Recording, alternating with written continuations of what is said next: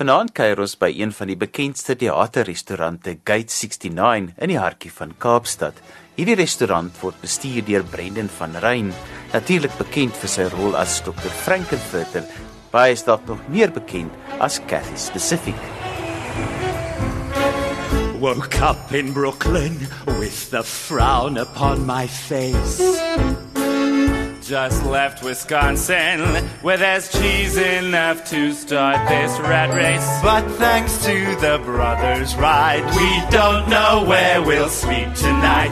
Yeah, I'm a bird in the sky, and tomorrow when I rise, I'll wake up. Vanaand vat hy vir ons agter na die kleedkamer om te hoor hoe hulle 'n stukkie Shakespeare 'n effense stoute aanslag gee. On your best behavior, boys and girls. Ons is in die kleedkamer, so Brendan Macbeth, 'n pantomime, vertel. Joh, waar begin ek, Johan? Uh it's uh, as they say in English down and dirty. Uh dit is was ons eindjaar pantomime, maar um due to public demand we've extended till the 3rd of Feb. Dis net 'n ongelooflike aand uit, uh baie musiek, baie dans, ongelooflike kostuums. Uh die stel is wonderlik. Uh, jy weet, uh, is, dis 'n regte Gate 69 aand. Um mense voel baie tuis maar dit is um, dit is 'n uh, volwassene materiaal. Um, maar baie baie goeie ja uh, manier om die uh, jaar te eindig en natuurlik om die jaar ook te begin. Natuurlik kan ek nou nie my noot ken. Ah ah Where have all the good men gone and where are all the gods? Where's the streetwise Hercules to fight the rising odds? Isn't there a white knight upon the fiery steed? Late at night I toss and I turn and I dream of what I need. I need a hero. Hero. I'm holding up for a hero till the end of the night. He's gotta be strong and he's gotta be fast and he's gotta be fresh from the fight. I need a hero, hero. I'm holding up for a hero till the end of the night. So Brendan, jy bring 'n paar bekendes hier aan Gate 69 terug. Vertel 'n bietjie laas wat ons hulle gesien in die Trolley Dollies, nou is hulle ja. die hekse. ja, my dames is terug. Uh, Rudy Jansen speel wat Molly speel in die Trolley Dollies. Sy's terug as 'n heks. Sy speel Babs en natuurlik Christopher Dudgeon who plays Holly. Hy's terug as 'n Meave. So dis die drie van ons as die hekse en dan natuurlik 'n uh, Tessa Denton is hier so uh, vir baie mense bekend as uh, een van die spelers in Book Club en dan natuurlik Kyle Jardine wat ons baie aantreklike en goedgeboude Macbeth speel. Ek is Tessa Denton en ek speel Lady Macbeth.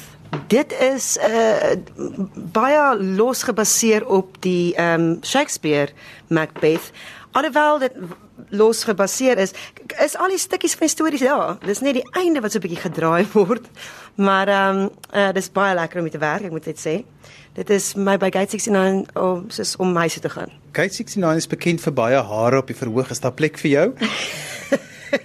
Ook maar net net. Ek is ehm um, baie kort in vergelyking met die die uh, manspelers langs my. hulle heels en hulle uh breike is ek ehm, 'n um, miniature weergawe van myself en ek slaan nie lank nie. So ehm um, daar is ek dink net ehm um, definitief groter performance gee as normaalweg. Nou almal wat ek mee gesels het sê die teks is ongelooflik skerp, interessant en bietjie hedendaags gemaak. Ja, ehm um, Christopher Dudgeon uh, is particularly goed daarmee um, om iets te verwerk met verskriklike fyn wit. Uh vir sy sin vir humor is natuurlik baie vuil. That's why we love him. En ehm um, ja, da, maar maar soos ek sê, die storielyn is nog steeds al, al die stukkies van die storielyn is daar. As jy die storie goed ken, dan sal jy die, die klein nuances sien. Ja. Hi, ek's Rudy Jansen. Ek is speel Babs in Macbeth en ek is ook deel van The Trolley Dollies wat ek Molly inspel. So dit is dit raak die mekaar wanneer mense nie weet wat wie hy is op die verhoog nie of die aand, so dit hang maar af wat sy gesig jy opsit.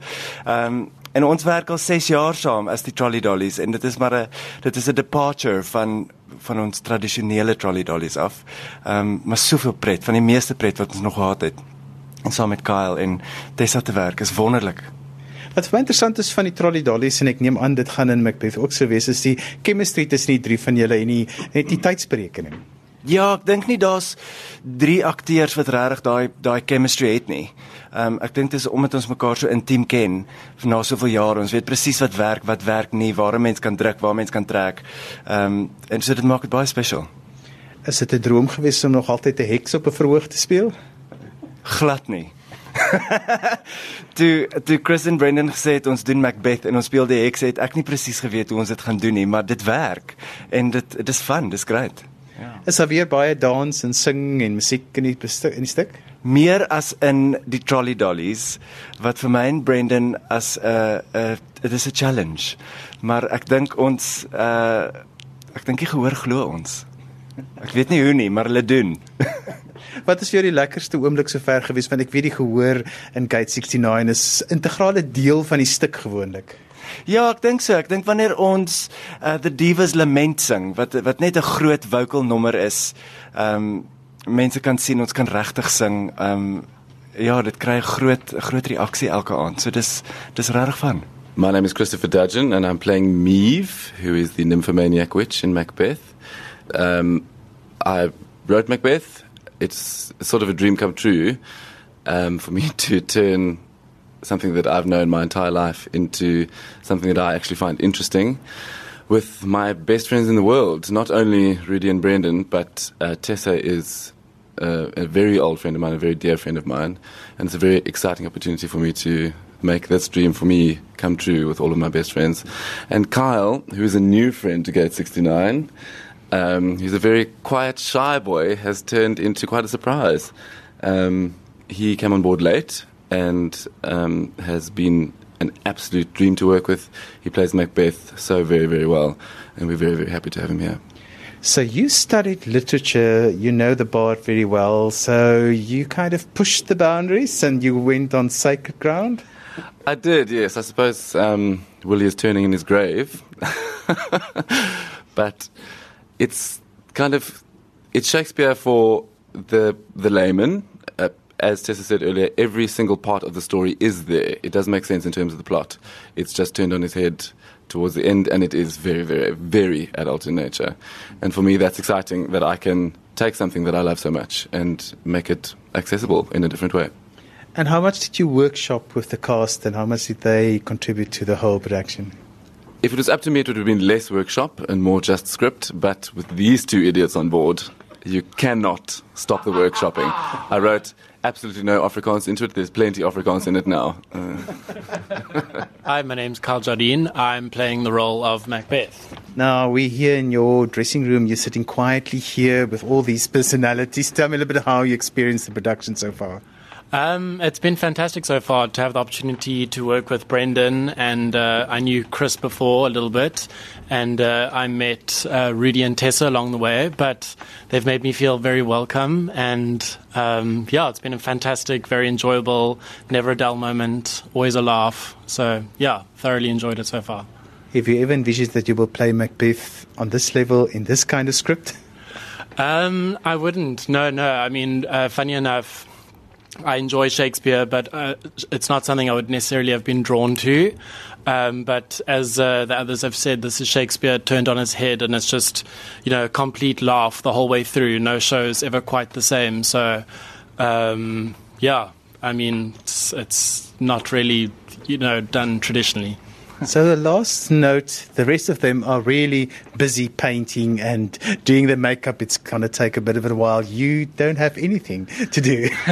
no, no, no. Uh, uh, we do. We do our own little bit of uh, grooming. Tess and I do our vocal warm ups in between. Um, but yeah, I think uh, while they do their makeup, we often just sit and have a laugh and uh, just catch up for the show. Yeah. Mini money, mini money, mini money, mini money, mini money, mini money, mini money, me. Mini money, mini money, mini money, mini money, mini money, mini money, mini money, me. Mini money, mini money, mini money, mini money, mini money, mini money, mini money, me. Brendan, julle is reg, die mense is hier. Julle gaan nou op die verhoog gaan. Wat gebeur nou tussen nou en die volgende paar minute? Jog, nou nie uh, ek dink Rudy en ek gaan deur ons woorde and our dance steps. Uh Christopher, ek dink rook. Uh Tessa en Kyle, ek dink gee vir my 'n swinkie na in 'n drukkie. En uh tussen die vyf van ons kyk iemand ook na Chris se hond sodat die nie die vloer nat maak of be- bemors nie. When you're sick of the status quo, the jet set is the only way to go. Evening, Mrs. Cohen, and welcome on board. I'm terribly sorry your special meal hasn't been loaded. I'm sorry, sir, there are no upgrades on this flight. Goeienaand en welkom. English, please. Are you going to say something? No. Wake up in Rio. Have your coffee in Brazil. When real life gets you down, take a far out one way trip to Balmo, Swedish, Greek, or Japanese. A stewardess is trained to please, so if you got what it takes below, well then fly this bird like Cupid's bow, cause the jet set's just a holiday, and the jet set goes up, and away, so right down to Italy, for la bella femina. Jump in a fountain for the big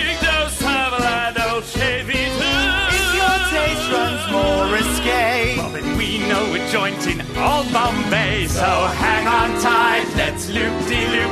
It's time to fly this chicken coop. So pack up your suitcase, check your worries at the gate.